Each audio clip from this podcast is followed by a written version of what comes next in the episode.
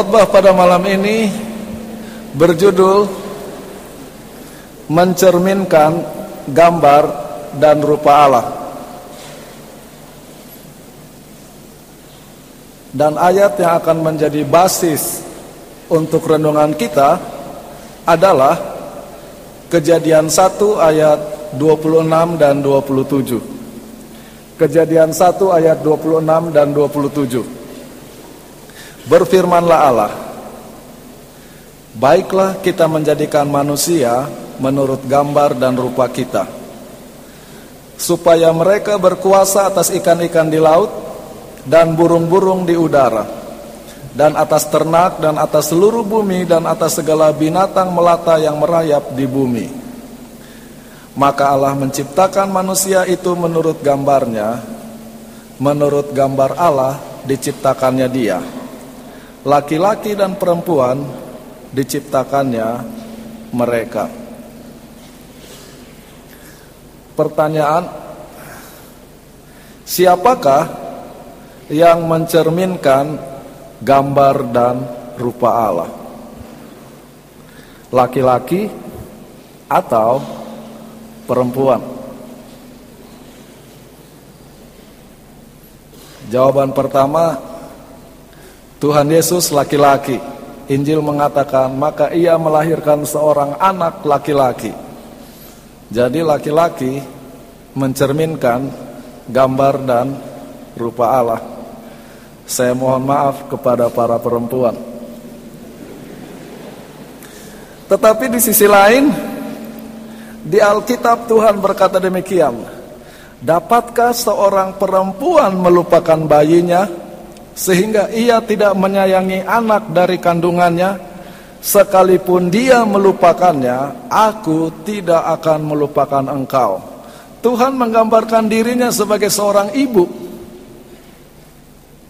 dan bahkan menjadi seorang ibu yang jauh lebih mengasihi dari seorang wanita.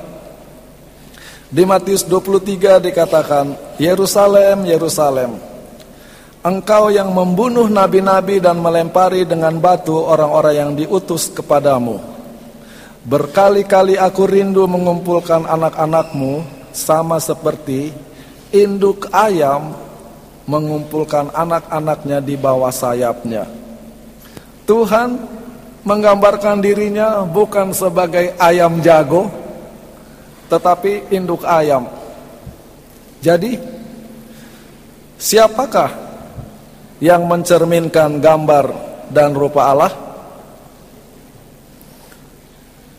untuk menggambarkan kekuatan Tuhan, keperkasaan Tuhan. Laki-laki mencerminkan gambar dan rupa Allah sebagian. Untuk menggambarkan kasih sayang Tuhan, perhatian Tuhan. Perempuan mencerminkan gambar dan rupa Allah sebagian. Gambar dan rupa Allah lengkap dicerminkan oleh laki-laki dan perempuan. Laki-laki hanya sebagian mencerminkan gambar dan rupa Allah, perempuan hanya sebagian mencerminkan gambar dan rupa Allah.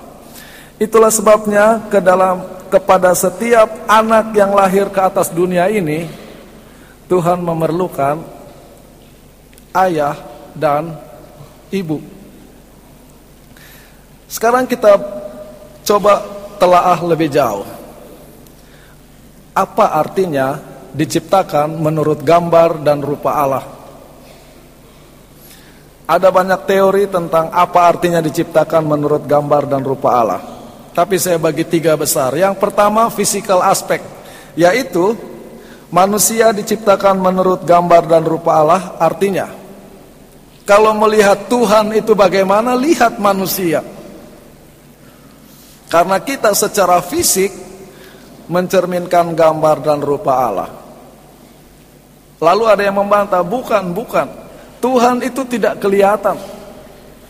Jadi manusia diciptakan menurut gambar dan rupa Allah adalah manusia itu makhluk yang sanggup berpikir. Manusia itu makhluk yang sanggup membedakan yang benar dari yang salah. Dan itulah sebabnya dikatakan manusia mencerminkan gambar dan rupa Allah. Spiritual and intellectual aspects. Tapi yang lain katakan bukan. Mencerminkan gambar dan rupa Allah adalah functional aspek, yaitu berbicara tentang fungsi kita di atas dunia ini. Buktinya, kejadian 1 ayat 26. Berfirmanlah Allah, baiklah kita menjadikan manusia menurut gambar dan rupa kita, supaya, itulah tujuan manusia diciptakan, supaya mereka berkuasa atas ikan-ikan di laut dan burung-burung di udara dan atas ternak dan atas seluruh bumi dan yang, dan atas segala binatang melata yang merayap di bumi. Ayat 28 Allah memberkati mereka lalu Allah berfirman kepada mereka Beranak cuculah dan bertambah banyak Penuhilah bumi dan taklukanlah itu Berkuasalah atas ikan-ikan di laut dan burung-burung di udara dan atas segala binatang yang merayap di bumi. Beberapa tahun yang lalu terjadi perdebatan ketika para ilmuwan membahas tentang kerusakan lingkungan. Mereka katakan yang paling bertanggung jawab atas rusaknya lingkungan dunia ini adalah Alkitab. Kenapa? Karena Alkitab mengatakan taklukkanlah bumi, maka manusia menaklukkan bumi. Semua binatang dikejar, dibunuh, pohon-pohon ditebang, gunung-gunung dibongkar, karena Tuhan mereka menyuruh menaklukkan bumi. Pertanyaannya, apakah problemnya ada di Alkitab atau di cara kita baca Alkitab? Coba lihat ayat ini. Baiklah kita menjadikan manusia menurut gambar dan rupa kita supaya mereka berkuasa. Allah memberkati mereka lalu Allah berfirman kepada mereka, beranak cuculah dan bertambah banyak, penuhilah bumi, taklukanlah itu, berkuasalah. Jadi harusnya manusia berkuasa atas bumi menurut gambar dan rupa Allah manusia menaklukkan bumi menurut gambar dan rupa Allah. Apakah ciri terbesar dari Tuhan? Kasih. Kalau dibaca demikian, maka kejadian satu harus dibaca. Manusia berkuasa atas bumi menurut gambar dan rupa Allah, yaitu berkuasa dengan mengasihi menaklukkan bumi dengan gambar dan rupa Allah yaitu dengan mengasihi. Dan itu bukan teori yang aneh. Apa saudara pernah dengar para mahasiswi ngobrol di kamar mereka mengatakan setelah didekati selama satu semester akhirnya dia takluk kalau seorang pria berhasil menaklukkan seorang wanita, apa artinya dia pergi ke sana lalu dia paksa wanita itu. Dia tekan lehernya. Sampai takluk. Atau menaklukkan dengan cara memberi perhatian. Menaklukkan dengan cara menolong mengerjakan uh, assignment. Bahkan sekali-sekali kasih contekan waktu ujian. Menaklukkan dengan cara memberi perhatian sebesar mungkin dengan menunjukkan kasih sayang sebanyak mungkin dan akhirnya takluk. Itulah definisi berkuasa atas bumi, menaklukkan bumi menurut gambar dan rupa Allah. Orang yang berkuasa dengan kekerasan tidak ditakuti, mereka dibenci. Ada satu cerita, beberapa orang suami-suami yang takut istri sedang ngobrol. Semuanya penakut sama istrinya. Lalu yang masing-masing sharing bagaimana menderitanya hidup perkawinan mereka. Kecuali satu orang, dia bilang begini, di dalam rumah tangga kami, kalau kami sedang ribut, kalau kami sedang berkelahi, istri saya itu sampai jongkok-jongkok di depan saya. Lalu yang lain kagum, tapi tidak percaya, nggak mungkin dia ini penakut. Yang dia bilang itu sebenarnya benar, tetapi kenyataannya begini, setiap kali istrinya marah, dia sembunyi di kolong tempat tidur, sampai istrinya harus jongkok-jongkok untuk cari dia.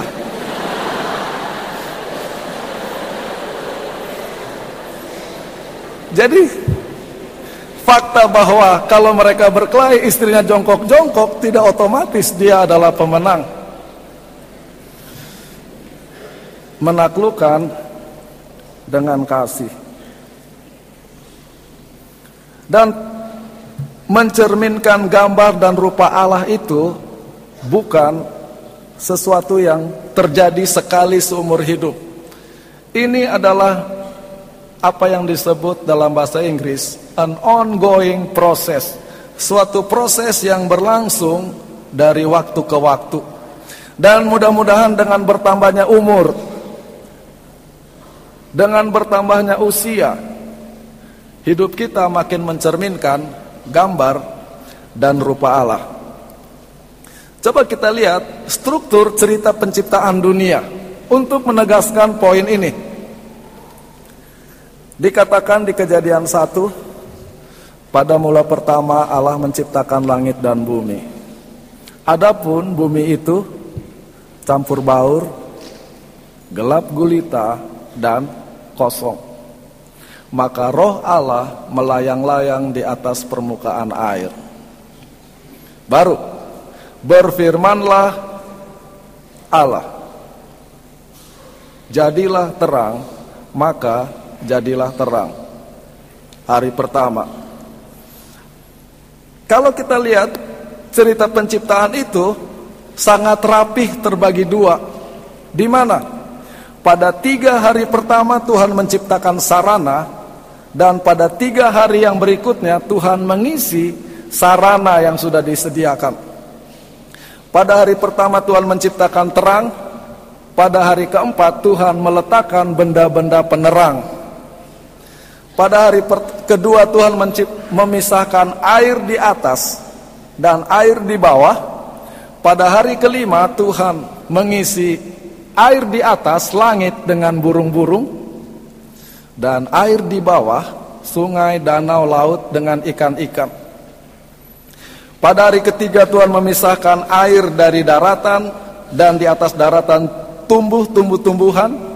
Pada hari keenam daratan itu diisi dengan binatang-binatang dan puncaknya manusia. Lalu pada hari ketujuh Tuhan berhenti kalau kita lihat struktur ini, suasana sebelum penciptaan dengan suasana sesudah enam hari penciptaan, suasananya sama-sama sunyi senyap. Bedanya, kesunyian sebelum penciptaan adalah kesunyian yang campur baur, gelap gulita, dan kosong.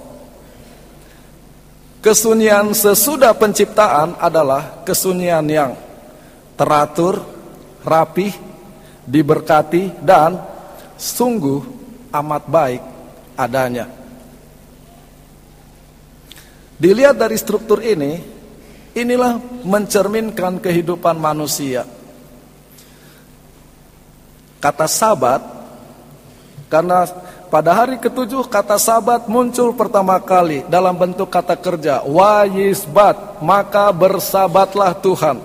Dan kata sabat itu artinya berhenti. Berhenti dalam arti setelah melakukan sesuatu tarik nafas. Berhenti dalam arti refreshing. Maka semua orang perlu refreshing setelah kerja Orang mau bertuhan atau tidak bertuhan, orang beragama atau tidak beragama, semua perlu refreshing. Bedanya, sebagian orang punya refreshing adalah seperti keadaan dunia sebelum diciptakan. Gelap gulita, campur baur dan kosong. Setelah kerja keras, saya mau refreshing. Saya pergi ke bar, saya minum-minum sampai mabuk. Itulah refreshing. Pulang ke rumah tinggal marah-marah dan banting pintu dan banting sebagainya. Itu refreshing yang hanya membuat hidup lebih gelap gulita, campur baur, dan kosong. Sebagian merasa beban berat dalam hidup ini mau mencari refreshing, mencari sabat, pergi kepada narkotik, kepada drugs, supaya tenang. Tetapi refreshing semacam itu adalah refreshing yang gelap gulita, campur baur, dan kosong.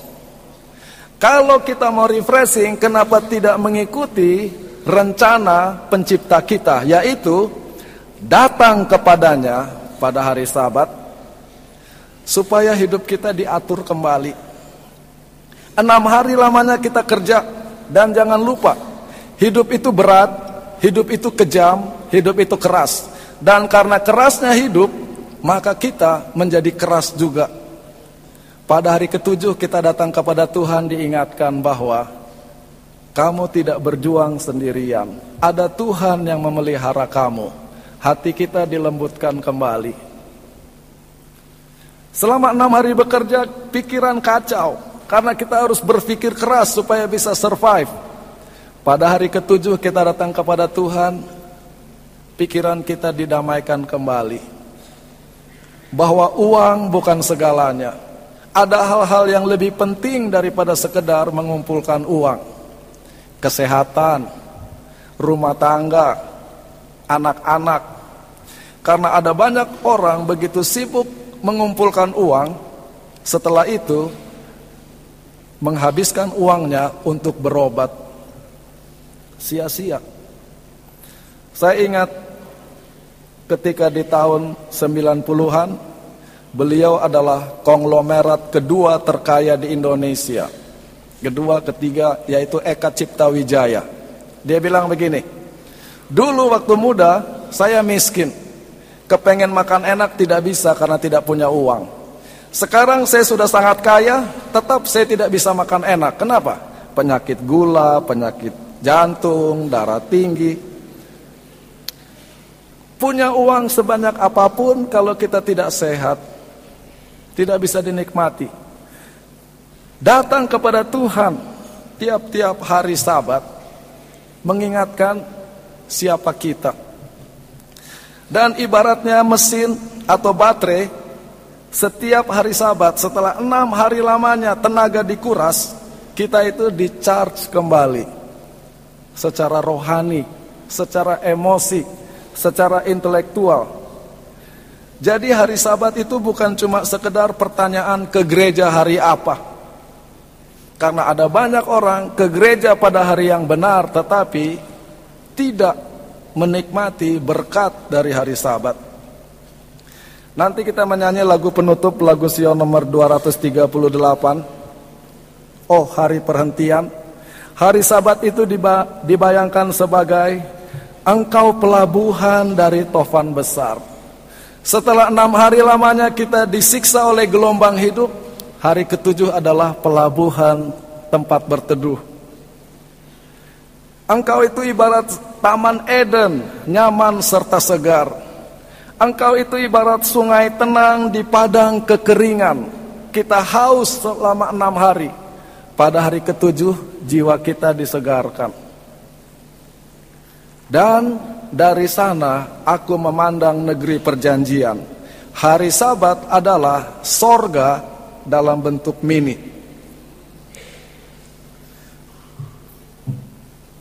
Sekarang kita lihat struktur cerita penciptaan ini.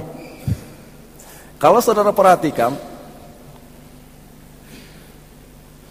binatang dan manusia sama-sama diciptakan pada hari ke-6. Sekarang dengar baik-baik. Kalau manusia tidak masuk kepada hari ketujuh untuk bertemu dengan penciptanya, maka Gantinya dia mencerminkan gambar dan rupa penciptanya, dia akan lebih mencerminkan gambar dan rupa teman dengan siapa dia diciptakan pada hari keenam.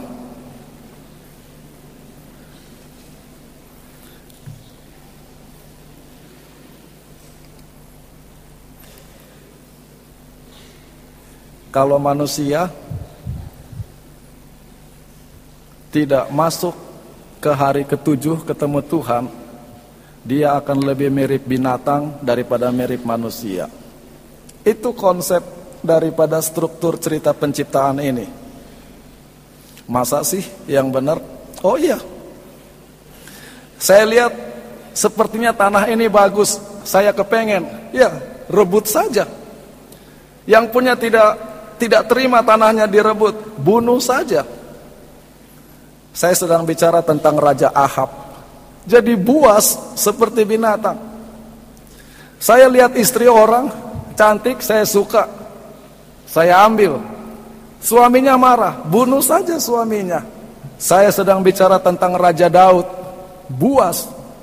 Manusia kalau tidak datang kepada Tuhan akan lebih mencerminkan gambar dan rupa teman dengan siapa dia diciptakan pada hari ke-6.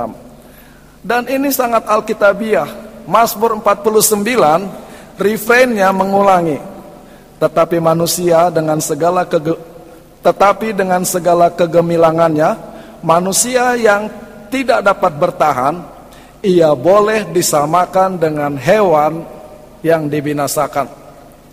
Bahasa aslinya mengatakan wa Adam Adam manusia bikar dengan segala kegemilangannya balyalin tidak dapat menahan diri. Manusia yang sehebat apa pun tapi tidak dapat menahan diri dapat dimisalkan nimsal ke behemot seperti hewan seperti binatang yang sedang menuju kematian.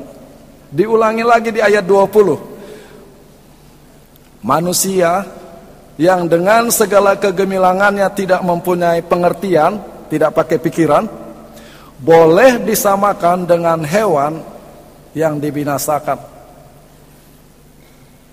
Kalau manusia tidak datang kepada hari ketujuh, dia tinggal di hari keenam, dia akan mencerminkan gambar dan rupa teman dengan siapa dia diciptakan. Dan tidak heran Wahyu 13 ayat 18 mengatakan, yang penting di sini adalah hikmat.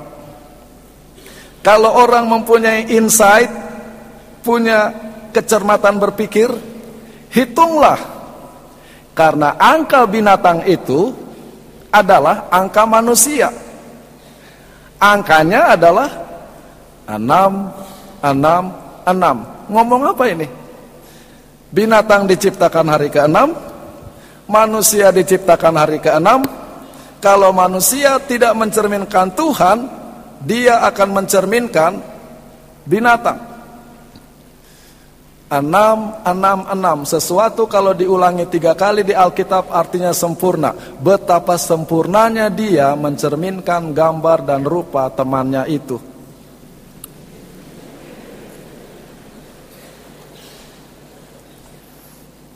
Katanya, Ketika Charles Darwin menerbitkan bukunya untuk pertama kali dan dan memperkenalkan teori evolusi, monyet-monyet pada ribut semua. Mereka kumpul, mereka bilang begini. Ada satu kelompok spesies namanya manusia, mereka mengaku keturunan kita. Dan kita sangat tersinggung, tidak terima dinyatakan sebagai nenek moyang manusia. Kenapa? Kita monyet, kalau kita lihat ada pohon, buahnya banyak dan lebat, kita panggil semua teman makan rame-rame di sana. Manusia kalau punya pohon buahnya lebat, dipagar supaya dia makan sendiri. Orang lain dibiarkan kelaparan. Manusia itu bukan keturunan kita. Tidak ada monyet yang begitu.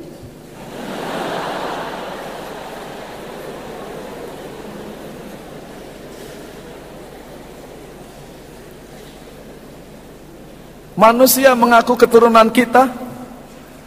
Pulang kerja malam-malam dia pulang, dia mabuk-mabuk dulu sampai rumah, pukul istri, pukul anak-anak. Tidak ada monyet yang memukuli istri dan anak-anaknya. Tolong kasih tahu sama manusia, cabut teori evolusi itu. Mereka bukan keturunan kita. Sadarkah saudara bahwa memelihara, memelihara hari sabat itu untuk menjaga supaya kita tetap manusia yang diciptakan menurut gambar dan rupa Tuhan.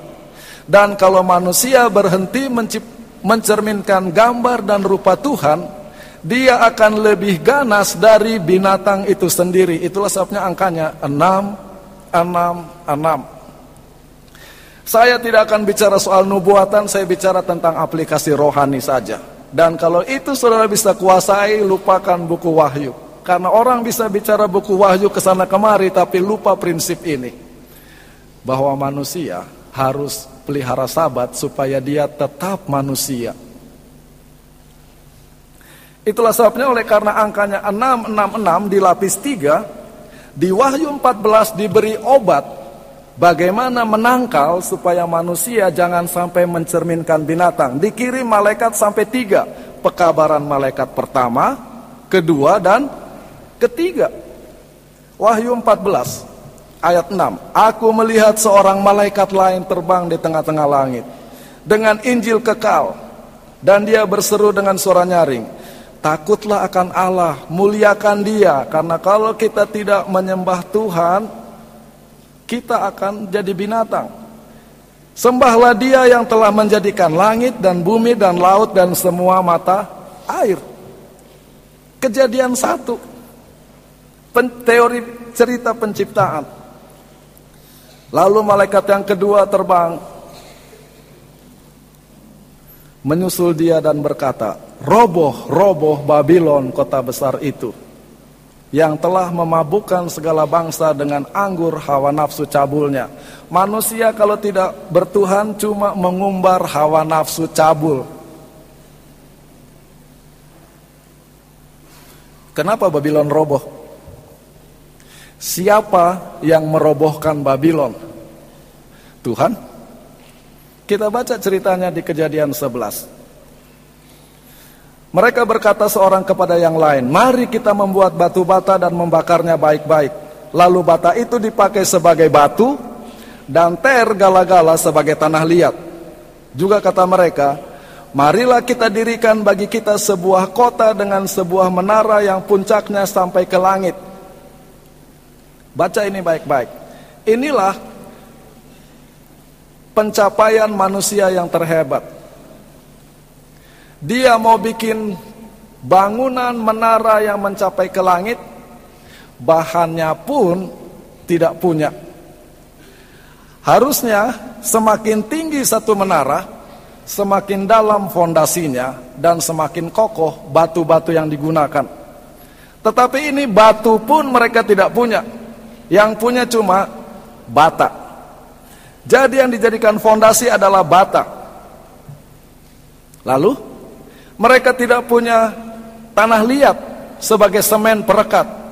Yang ada cuma aspal. Apa bedanya tanah liat dari aspal? Tanah liat sangat lentur waktu basah dan waktu kering dia sangat kuat untuk mengikat bata satu dengan yang lain.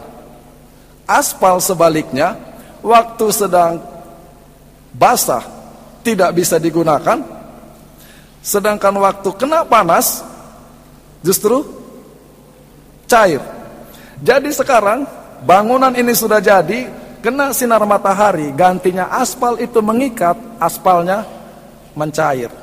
Dan batu bata yang dijadikan fondasi bersenyawa dengan tanah, apa yang terjadi? Bangunan itu ibaratnya tidak punya fondasi dan tidak punya pengikat. Tidak usah dirobohkan oleh siapa-siapa, bangunan itu roboh sendiri. Manusia yang hidup tanpa Tuhan, roboh, susah hidupnya, tidak perlu Tuhan kutuk supaya susah. Tuhan biarkan pun memang cari susah sendiri mereka. Lalu berkatalah Tuhan, mari kita turun mengacau balokan di sana bahasa mereka. Kejadian 11 ayat 7. Bayangkan manusia memberontak melawan Tuhan. Gantinya Tuhan turun dengan kilat, gantinya Tuhan turun dengan tank, bom atau panser. Yang Tuhan lakukan sangat sederhana. Menyentuh anggota badan yang paling lembek yang dimiliki oleh manusia, lidahnya. Cuma yang paling lembek disentuh sudah jungkir balik dan kacau balau mereka punya program. Waktu saya masih kuliah di Unai, saya ingat ada seorang kakak tingkat. Dia bercita-cita menjadi petinju, jadi pegulat, pokoknya yang kasar-kasar. Jadi sementara habis worship orang lain antri makan di dining hall, dia angkat besi. Dia lari dan badannya sangat besar dan kekar. Kalau kita sedang antri, dia keras-keraskan badannya supaya ketahuan dia keras. Badan saya tidak bisa menggambarkan badan dia. Kalau salaman, dibikin keras supaya orang tahu badannya sangat keras.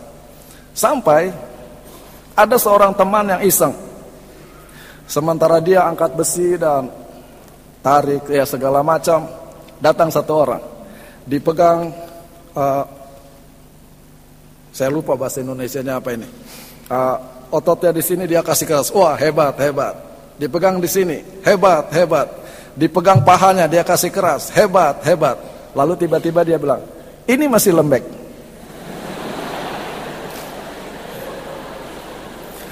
Lalu orang itu berusaha sekuat tenaga untuk mengeraskan telinganya ini.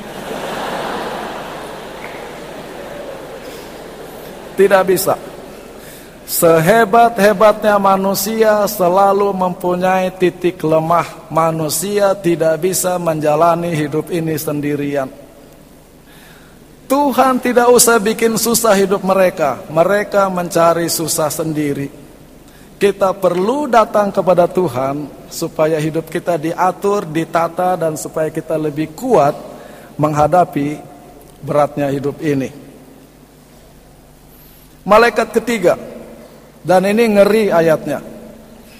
Jikalau seorang menyembah binatang dan patungnya dan menerima tanda pada dahinya atau pada tangannya maka ia akan minum dari anggur murka Allah yang disediakan tanpa campuran dalam cawan murkanya dan ia akan disiksa dengan api dan belerang di depan mata malaikat-malaikat kudus dan di depan mata anak domba. Asap api yang menyiksa mereka itu naik ke atas sampai selama-lamanya dan siang malam mereka tidak henti-hentinya disiksa. Yaitu mereka yang menyembah binatang serta patungnya. Ngomong apa ini? Saudara pernah dengar istilah seperti cacing kepanasan? Cacing kepanasan itu menggambarkan orang yang gelisah hidupnya dan rasa sangat kepanasan. Orang-orang yang tidak punya Tuhan, hidupnya itu sangat stres, sangat resah. Mereka itu seperti disiksa oleh api. Di dalam badan mereka itu ada api yang meresahkan dan siang malam mereka itu disiksa. Ayat ini bicara tentang penderitaan rohani dan emosi dari orang-orang yang tidak bertuhan. Dan malaikat sorga menonton betapa beratnya hidup mereka.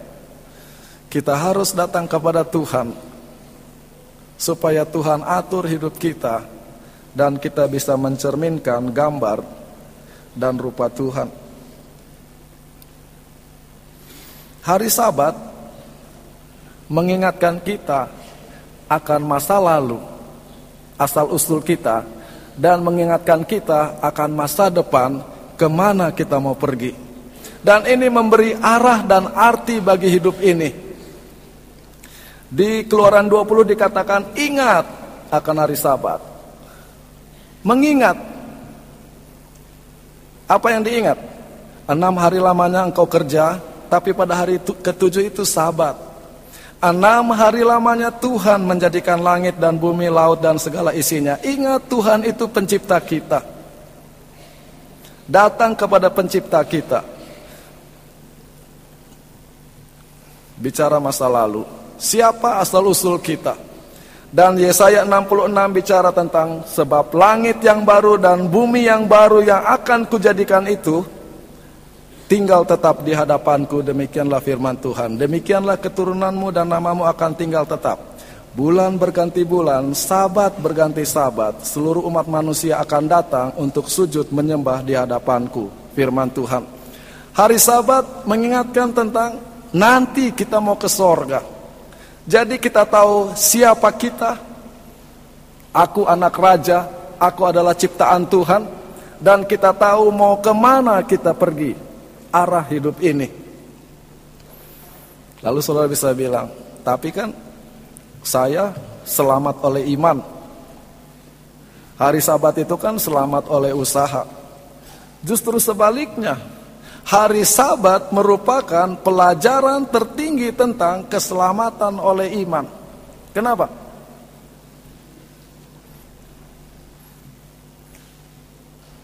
Siapa yang paling terakhir diciptakan oleh Tuhan pada waktu dia menciptakan dunia ini.